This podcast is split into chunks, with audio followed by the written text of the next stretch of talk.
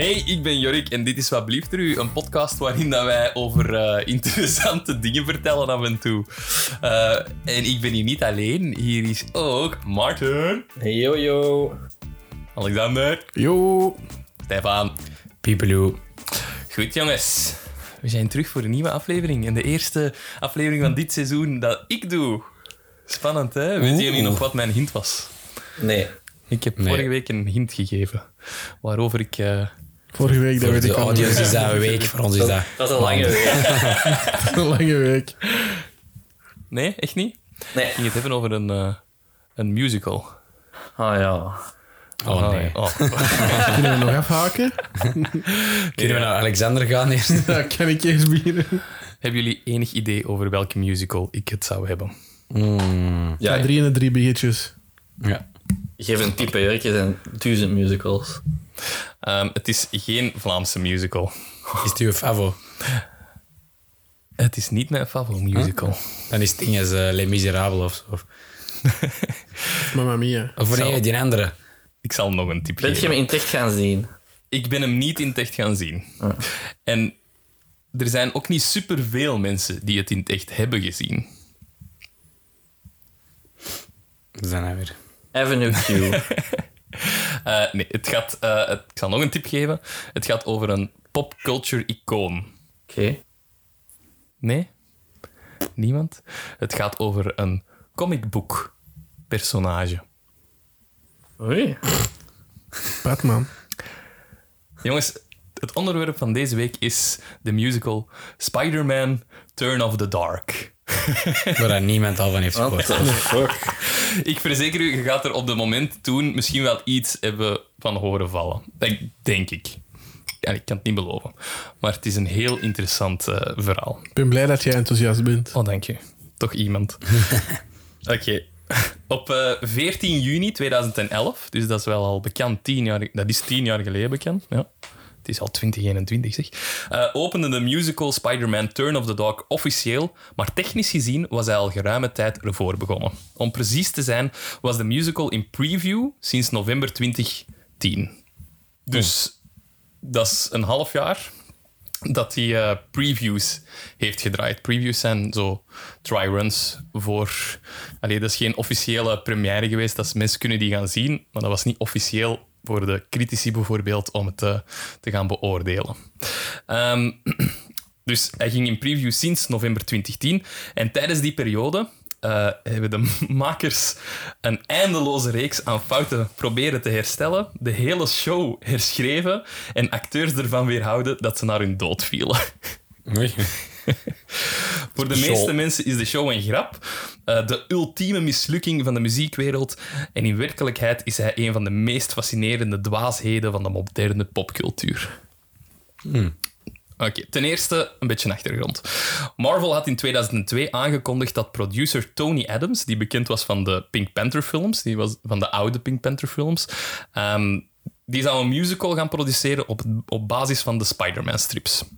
Eh, Sam Raimi's eerste Spider-Man film was net uitgebracht en hielp de moderne superheld blockbuster geboren te worden. Dus het leek een slim idee om het Spider-Man portfolio te diversifiëren. En de Marvel Cinematic Universe bestond nog niet, nog belangen niet. En het genre was nog niet het mega-fenomeen fenomeen geworden dat de moderne popcultuur zo zou veranderen. Dat is mooi geschreven, hè? Dus eh 2002, ik denk dat dat toen, of 2001, was net die eerste Spider-Man die dat wij ook kennen. De Spider-Man waar wij zijn mee opgegroeid.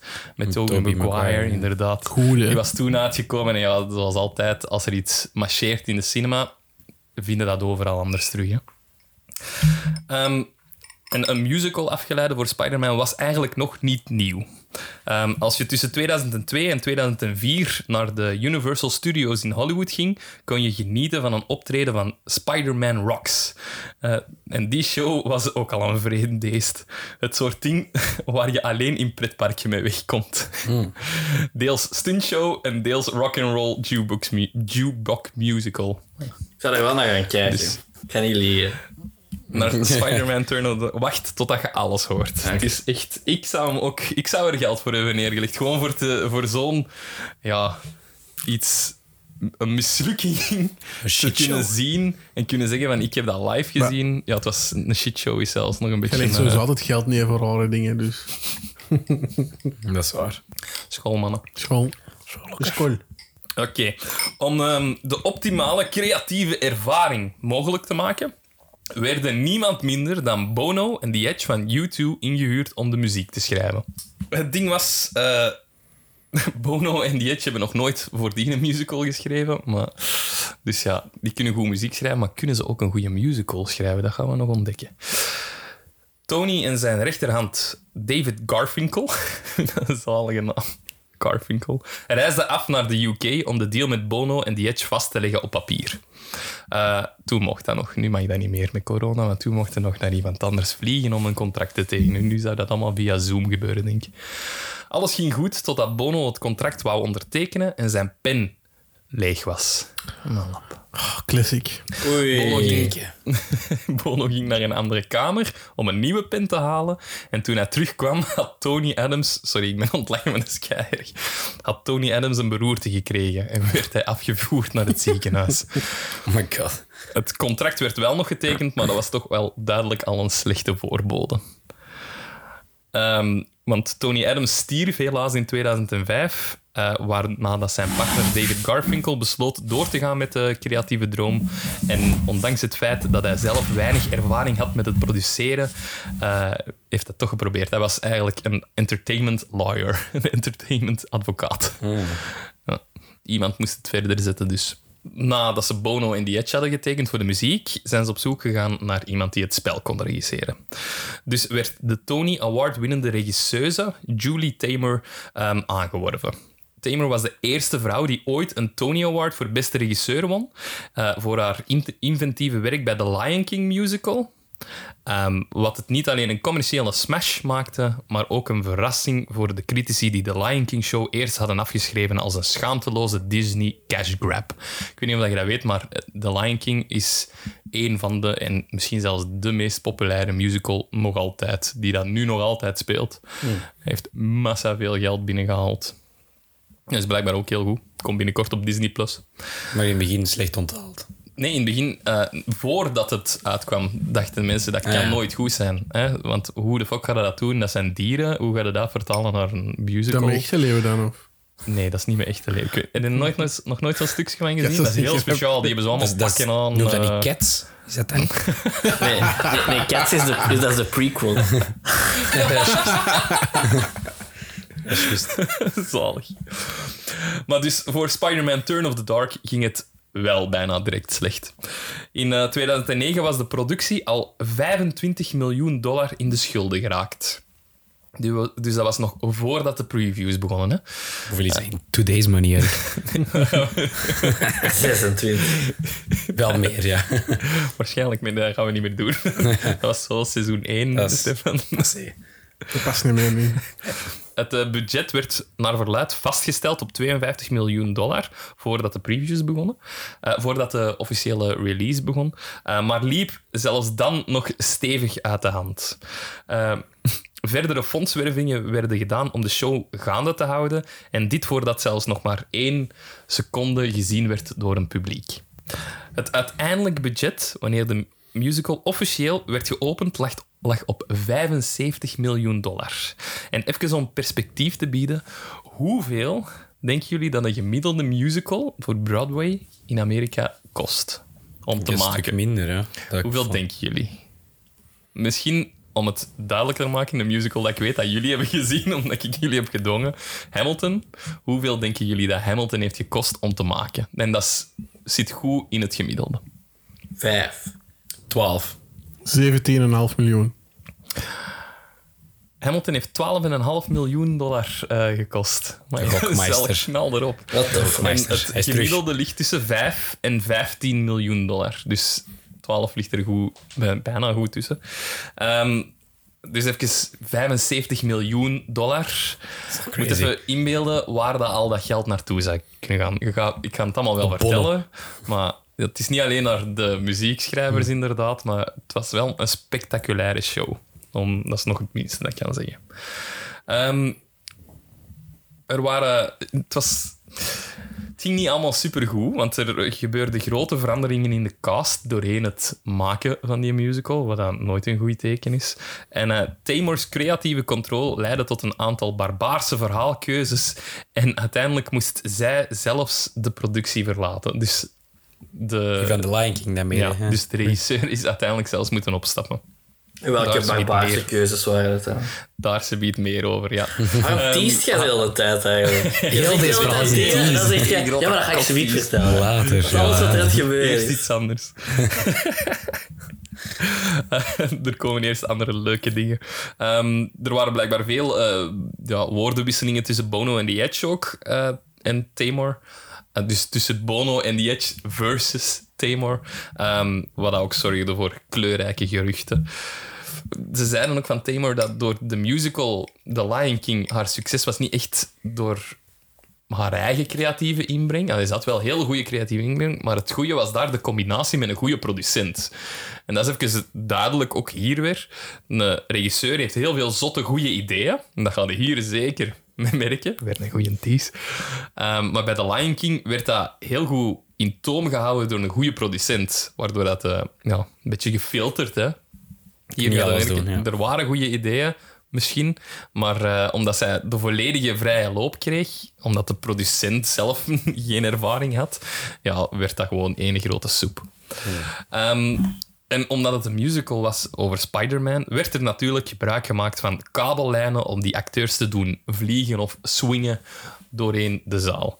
Ehm, bij een normale productie, waar er gevlogen wordt, zoals Peter Pan bijvoorbeeld, eh, worden die kabels parallel naast elkaar eigenlijk aan de plafond hangen. Dus, en dat doen ze omdat er dan geen acteurs tegen elkaar kunnen vliegen. Want als je in de lucht hangt, heb je zelf geen controle. Ze trekken nu van hier naar daar, maar eigenlijk kun je zelf niet sturen. Je hangt aan een kabel en dat is je pad. Ehm, ja, bij Spider-Man was dat dus niet het geval. Daar hebben ze bewust gekozen om die lijnen te laten kruisen. Sommige toch? Zodat de personages ook met elkaar konden vechten in de lucht.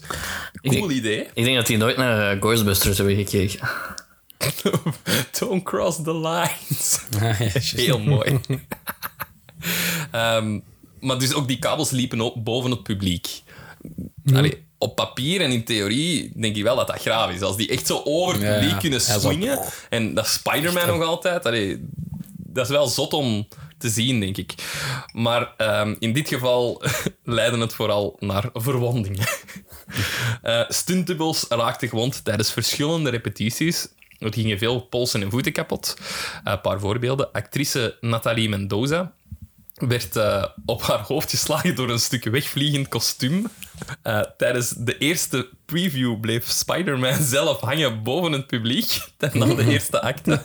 en moesten ze hem daar weghalen. Kunnen dat inbeelden? Zo, ja, eh, Blijf plakken. tijd voor de pauze. Ondertussen hangt je daar nog. Iedereen gaat de zaal uit. Blijf ze krabben zo. Ja, met zo'n zo. Popcorn. Dat is zo awkward. Ehm, Een bezem zo. en eh, bij andere previews vielen er zelfs stukken kabels op het publiek. Wat dat Nee. ook niet goed is. Maar dat is wel zotte 3D-effecten. hè. dat is-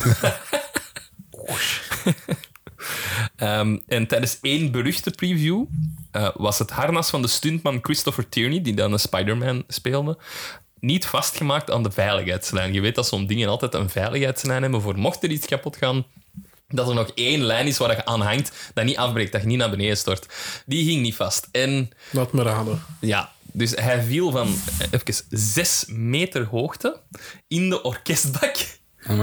Ehm, waardoor dat hij eh, leed aan een gebarste schedel en drie gebarste ruggenwervels. Maar na zijn herstelling kwam hij wel terug naar de productie. maar dat was allemaal nog tijdens de, tijdens de previews. De show was nog niet officieel geopend. Er- Niemand dat van onder dat gehoord. Hij heeft zelfs in het Highland News gestaan. Ik weet dat nog. Zelfs in HLN. Zelfs tien jaar geleden. Highland.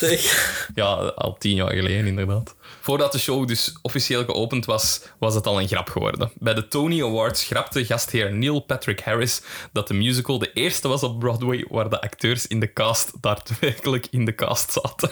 Sorry. Ik Zo vind mooi. dat zo'n stoem grapje, maar ik vind dat wel grappig. Dat is wel uw niveau, ja. Eh, de eerste recensies van de vroege previews waren vreselijk. Dus meestal wachten critici tot de officiële opening om te gaan kijken en het te reviewen. Maar omdat dat al zes maanden aansleepte, eh, ja, zijn er gewoon critici naar previews. En dat gebeurt echt niet. Dat was eh, eigenlijk not done, maar toch. Er is er ene mee begonnen en de rest is dan maar gevolgd. Want ja, je moet de reviews wel eruit krijgen voordat er iemand anders het doet.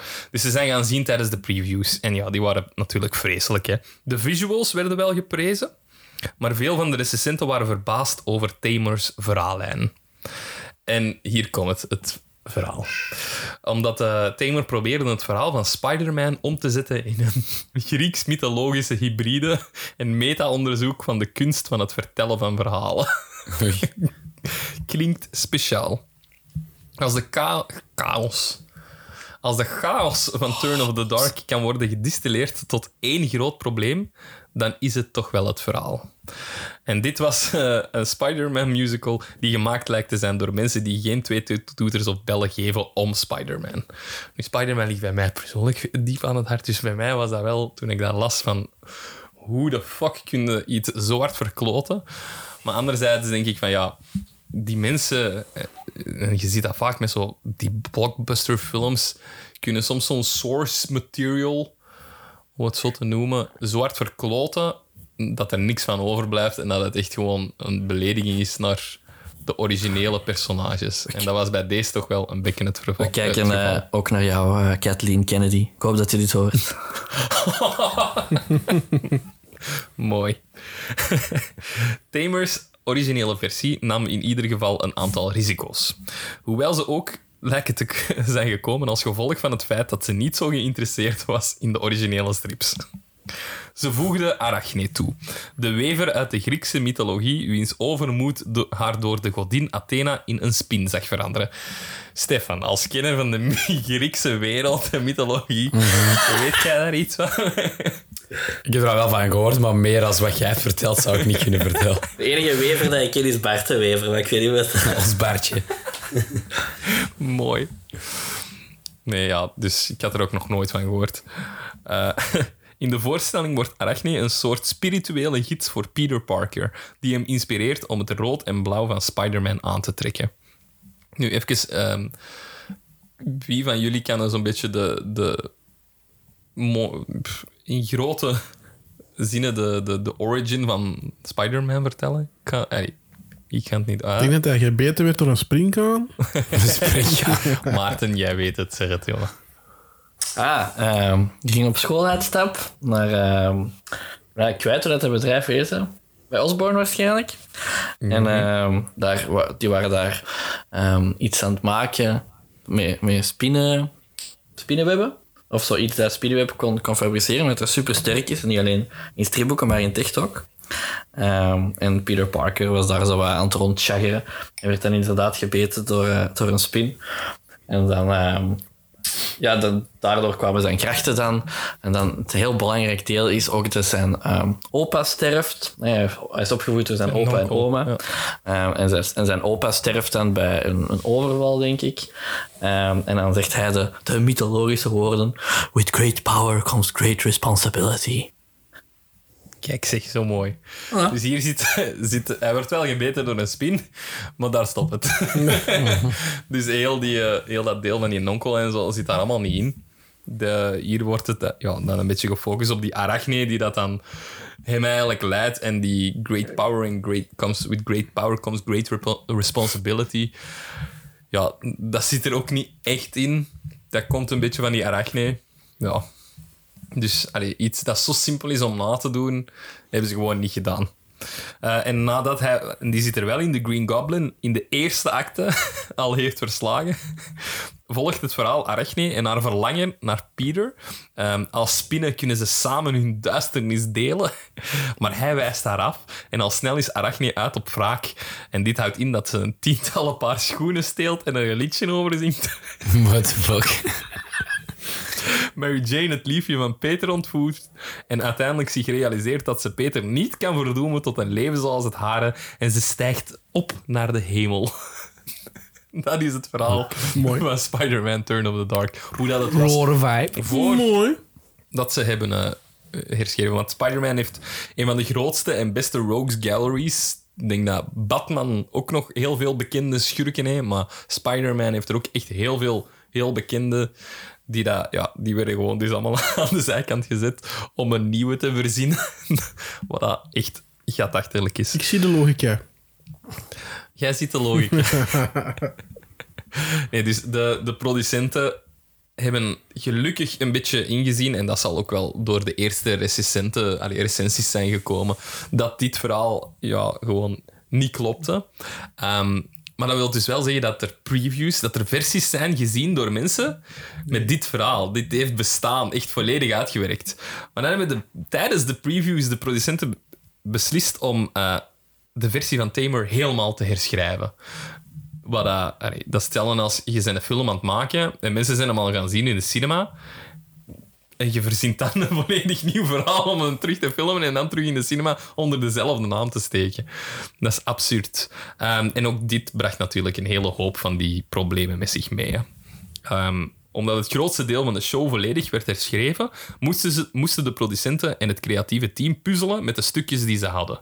Scènes werden geschrapt, maar de sets bleven wel hetzelfde en moesten gebruikt worden op nieuwe manieren waar ze niet voor bedoeld waren. En dat was al zo'n gevaarlijk spel. Ehm, de personages werden geschrapt of minder gebruikt. Behalve de, groen, de groene goblin staat hier, sorry. De Green Goblin. Oh, Groen, Goblin. Die werd eh, de belangrijkste schurk van de show. Eh, wat dat, ja, ergens logisch is en beter is. En dit leidde tot een gemengde zak van, voor de zintuigen. Ik heb deze dus eh, niet helemaal zelf geschreven. Zak voor de zintuigen. Gemengde zak, voor Zak de voor de Ik heb zintuigen. eigenlijk gewoon Wikipedia gepakt en dan in Google Translate gestoken. Zo klinkt dat echt. Zoiets. Dan, dan krijg je zo'n ding. Wat een voorbereiding. Bedankt, Jorik. Sommige scènes zagen er spectaculair uit, terwijl er andere ondraaglijk goedkoop leken. Het grootste deel van het verhaal, van het eindproduct, dus hetgeen dat wel in première is gegaan, is uit de eerste twee Sam Raimi-films gehaald, met Norman Osborn's transformatie naar de Green Goblin, dat gebeurt in de stijl van Dr. Octopus uit de tweede film. Ik weet niet, dat is lang geleden dat je die hebt gezien, maar echte fans gaan wel weten van hoe dat die twee in die film hun, hun alter ego worden. Dus die hebben ze gewoon gemerged. Ehm, grote schurken uit de canon, zoals Carnage en ja, noemen ze nog, Electro, ja, worden gewoon maar een paar minuten besproken en komen even op, op toneel en verschijnen dan even snel terug van het toneel. Zonder zelfs enig invloed op het verhaal te hebben gehad. Geen van de personages is trouw aan de canon en de esthetiek is ook niet echt interessant. Ook al proberen ze wel een 2D stripstijl na te boosten. Je kunt dat zien als je stukjes op YouTube gaat opzoeken. Ja, die, die kostuums zijn gewoon zo'n beetje heel flashy en heel hard afgetekend precies. En, maar dat is het ook wel. Ik vind dat nu ook niet speciaal echt mooie esthetiek. En dan is er nog de muziek. Hè? Ik heb verteld van Bono. Eh, dus nog Bono, nog The Edge. Twee onmiskenbare titanen van de 20e-eeuwse rock hadden ooit een partituur voor een musical geschreven. En hoewel het modieus was eh, voor muzikanten om die sprong te maken, want Sting en Elton John hebben dat wel gedaan. Eh, het is wel moeilijk te. Te, te, het is wel moeilijk te begrijpen wat dat die twee eigenlijk in die musical zagen. Die link is gewoon niet snel gelegd tussen U2 en Spider-Man. Money. Dat denk ik ook. Ehm, hun muziek voelt dus een beetje als een verzameling van nummers die uit U2-albums zijn afgewezen. En erger nog, te veel van de nummers lijken niet zoveel te maken hebben met het vertellen van het verhaal van Spider-Man. Bij een musical is er één ding dat wel belangrijk is: dat je muziek een beetje het verhaal maat. eh, vertelt. een beetje op maat is. hè. Beetje Hamilton-achtig. Exact. is Eh, een en al ik heb maat. een fragmentje van, een, van zo het frontnummer, noem ik je dat, van de musical gevonden op YouTube sowieso. Want die musical heeft echt zo een clip gekregen, staat zo op de Vivo-kanalen. Ehm, heeft ook op de radio gespeeld. Ik ga dat een klein stukje uit laten horen aan alle. Gewoon om een reactie ook eens Ik te dacht dat je het weten. nooit ging zeggen. Ja, inderdaad. Wauw, sick. Dat is hier met dingetjes en Hier stukjes en zo. hier Interactief, Ik weet niet voor de, voor de luisteraars thuis hoeveel dat ik er kan insteken. Ik ga dat nog eens opzoeken, want ja, copywriting en zo. Dus eh, het kan zijn dat je maar vijf seconden hoort, maar wij gaan toch een, een goede halve minuut horen.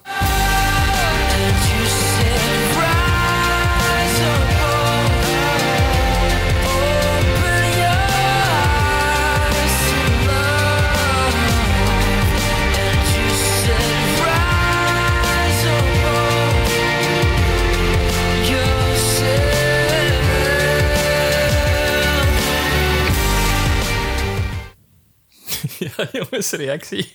Dat komt me precies bekend voor. Ja, dat is gewoon een, dat is bekend Ja, dat is een U2, hè? YouTube-nummer. hè. Ja, dat is YouTube, heel hard, hè. dat, echt heel hard, ja. Dus dat, dat is eh, Rise Above One of zoiets eh, van die musical. Dat is een nummer dat, dat je nu ook hoort, was de acteur dat Spider-Man speelde. Die hoort je nou zingen.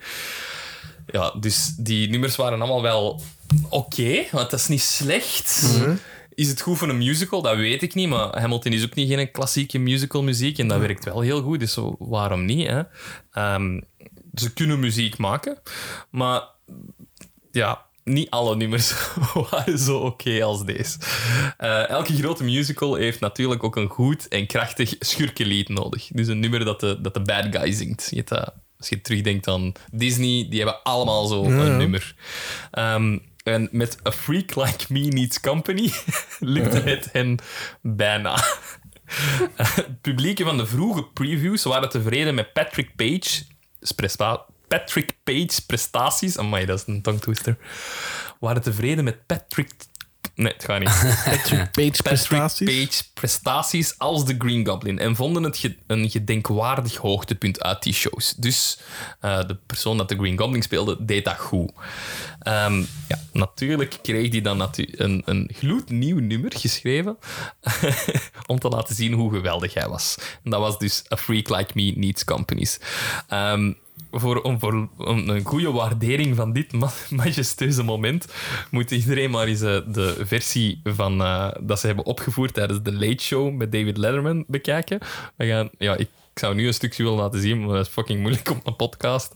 Dus eh, vertrouw mij, want ehm, van de sexy wetenschapsdames als backup danseressen tot de man bedekt met speelgoedbijen, van de wetenschapper die een dino uit zijn borst laat barsten tot een gigantische metalen vrouw die op Grace Jones lijkt, is het echt een spel dat je denkt, hoe kan deze ooit op tv zijn gekomen? En als de schurk van je eigen show en dat is effectief in dat nummer. De lijn zingt: I'm a 65 million circus tragedy, actually more like 75. Ja, dan, eh, dan weet je wel genoeg dat de makers zelf Droog. wisten van... Ja, wat de fuck zijn wij mee bezig?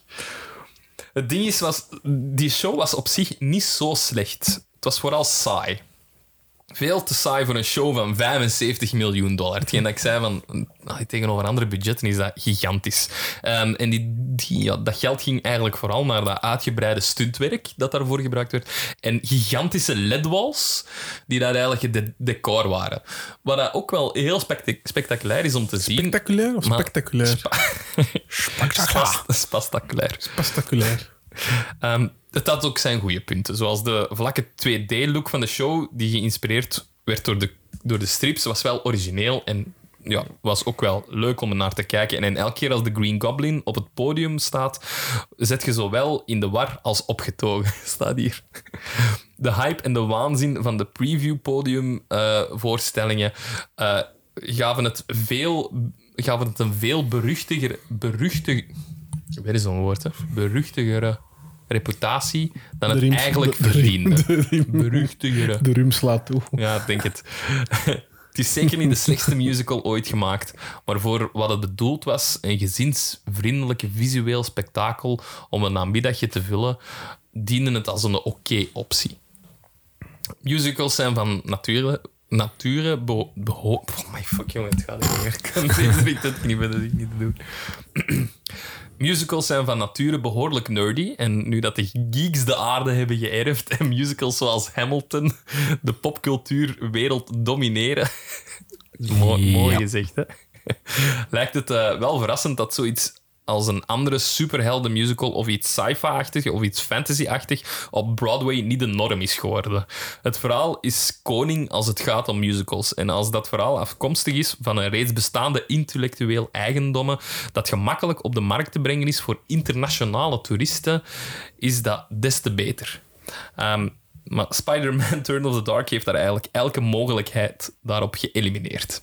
Turn of the Dark was zo'n catastrofale mislukking dat het de slechtst, slechtste gedacht... Amai. Ik kan nog eens drinken. Dat gaat Ja, helpen. drink nog eens, dat gaat beter. Oh nee, mijn geluid staat nog op. Daar zouden wij echt niet ingeschoten voor worden door Jorik. Ja, echt.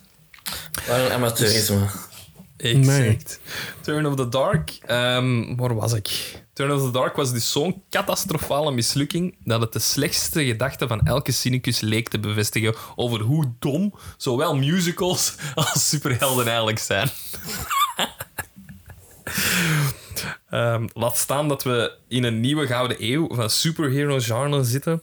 Ja, Marvel, DC zijn eigenlijk wel goede dingen aan het maken. Ehm, was dit ene voorbeeld zo slecht dat we er nu nog altijd geen soortgelijke van hebben gezien. Er is, nog, er is gewoon niks gemaakt dat nog maar in de buurt komt, gewoon omdat dat zo slecht was dat mensen daar schrik van hebben gekregen. hè. En helaas zal dat waarschijnlijk ook niet gebeuren, zolang dat de dwaasheid van de music- muzikale Spider-Man nog in ons collectieve geheugen gegrift staat. Broadway is een brutale wereld en 57% van nieuwe musicals worden, die, die worden geopend, slagen er niet in om hun kosten te dekken. Dus die geven heel veel geld uit en dan ja, door sales verdienen die dat terug en meer hopelijk. Hè. Maar ja, als uw musical al 75 miljoen dollar kost, dan gaan we heel veel ticketjes moeten verkopen om dat terug te verdienen. Was, Dus dat, je was dat kunt dan ook het de duurste, de duurste musical ooit? Op dat moment was dat een record. Ja. En nu niet meer? Ik weet niet of dat... Nee, dat weet ik eigenlijk niet. Heb ik niet gegoogeld, jong. Voorbereiding. Top. Nee, ja, dus op dat moment was dat inderdaad een record eh, voor de musicalwereld. Ehm dus het is ja, als maar 75% van alle musicals slagen, dan neemt je dat niemand kwalijk om dat niet nog eens te proberen. Hè. En hoe, hoe lang heeft die musical echt gespeeld? Niet zo lang, een, a- pff, een aantal jaar. Maar, Ah, toch jaren. Ja, ja, maar jaar, jaar is voor... Volgens Google is nog altijd Spider-Man. Ah, voilà, volgens Google is het dus nog altijd Spider-Man. Shrek the Musical, 27,6 miljoen op de tweede plaats. Ja, maar die hebben wel een goede, goede Maar ja, verdienste gehad. 27,6 en dan Spider-Man ineens 76 miljoen. Weet, weet je waarom dat Shrek de musical zoveel heeft gekost? Vertel. Oh nee, Dat- niet een mop. Dat is helemaal niet. Dat is, het is gewoon om die, om die mensen helemaal te. Hè. Dat kost allee, zoveel moeite en zoveel, zoveel geld. Elke keer uren in die, in die Ja. sminkstoel. zijn ook gewoon die Ja. uren in uren natuurlijk. Ik wou echt Ah, hetzelfde zeggen. Ja, daar is- Hey. Daar is Oh my god. Hij kan ook al niet praten, dus... Oh, echt waar. Als, als Donkey had hem ook wel gekunnen. Dank je. Dank Dank je. That's a nice boulder. Get out my swamp. Dank je. Zo, dat was het verhaal van Spider-Man Turn of the Dark. Een musical over Spider-Man. Ik heb er nooit van U2. gehoord. Ik ook niet, denk ik. Dus, nee. Verrassend. Voilà. En absurd dat er zoveel geld is ingekropen. Ik ik vraag me altijd één ding af.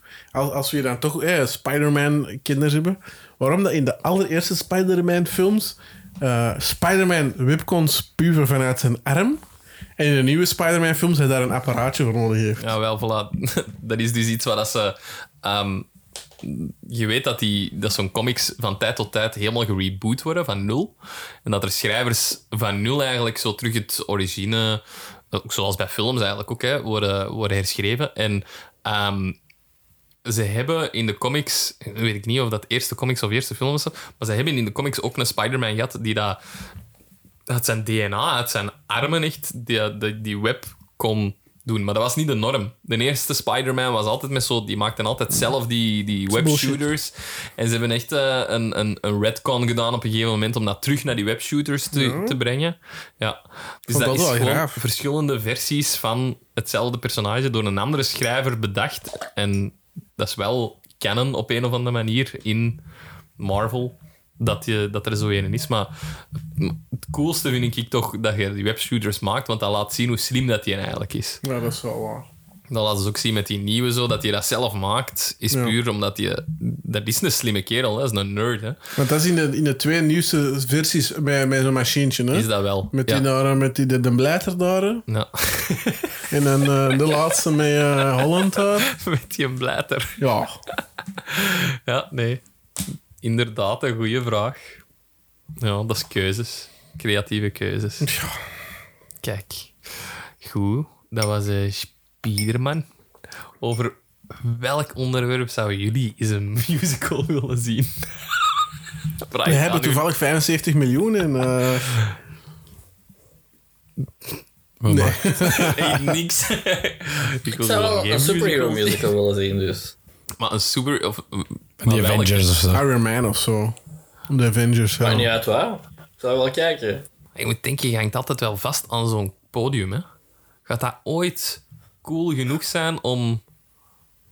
Als je creatief genoeg bent. Ja, eh, waarom niet? Als je Ja, dat kan ook dat ze daar iets origineel mee doen, hè. Zoals Als je slapstick. ziet dat die...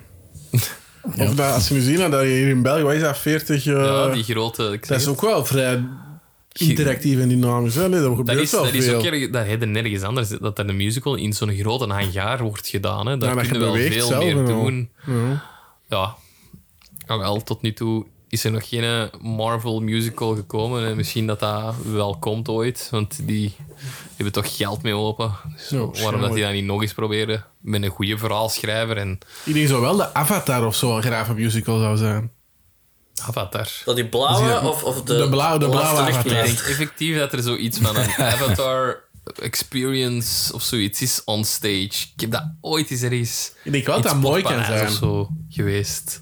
En natuurlijk ons de, Nickelodeon Avatar ook. Hè. Allee, daar is wel wel mee opgegroeid. Hè. Ik heb dat nooit gezien. Dat is echt de beste serie. Dat is echt... Dat is letterlijk eh, de beste serie. Je hebt dat nooit Ooit gezien, Erik? Last Arb- Nee, ik heb dat over laatst proberen te, op te pikken, het eerste seizoen, omdat dat op Netflix staat, maar ik raak daar niet echt door. Nee, met de Firebender. Ja, Dat is basically de superhero, die mensen. ik weet het. Maar ik snap dat mensen dat heel goed vinden en dat zal ook wel, maar ik raak daar niet door. Ik weet niet waarom. Ja, Ligt daar nu. Ik vond die film wel goed. Wat? De echte, ja. Nee, ik- dat is niet waar. dat is gewoon raar. Op zich was dat nog wel, maar dat stopt zo ineens. De filmfilm, Ja. hè? We hebben die samen gezien, hè, Erik. Dat was We echt zijn die in cinema gaan erbarmelijk. zien. Dat was Holy dingen. crap. Wie was dat? M. Night Shyamalan. Shyamalan? Ja, ja. Shyamalan. Shyamalan. Shyamalan. Man, Die binnenkort man, man. een nieuwe film heeft over zo'n soort van beach waar dat je ineens heel snel oud wordt. Geen Beach? idee. Ja. Een strand. Een strand waar dat... eh, ja, dat gaat over een gezin dat gaat, een gezin dat gaat naar een strand. Allee, ik heb er maar gewoon de Super Bowl trailer van gezien. Maar. En die kinderen die, die hebben zo twee kleine kindjes van drie jaar of zo. En ineens zijn die twintigers... Terwijl dat die allee, zelf nog in hun hoofd drie jaar zijn. Hè. Er is iets raar met dat strand. In Dogaven. Die van Baywatch geweest. Die zijn ook wel al oud, die van Baywatch. Goed, dat was het voor deze week. Leuke topic. Goed, en volgende keer is het voor, eh, voor hier de laatste van de groep. Alex Joanji. Mix, man. Spannend. Spannend. Moet ik ook al een teaser geven? Ja. Ja. Oeh. Het, het is een, een, een, een verhaal dat vrij recent ge- gedocumenteerd is. Ken je dat? ja.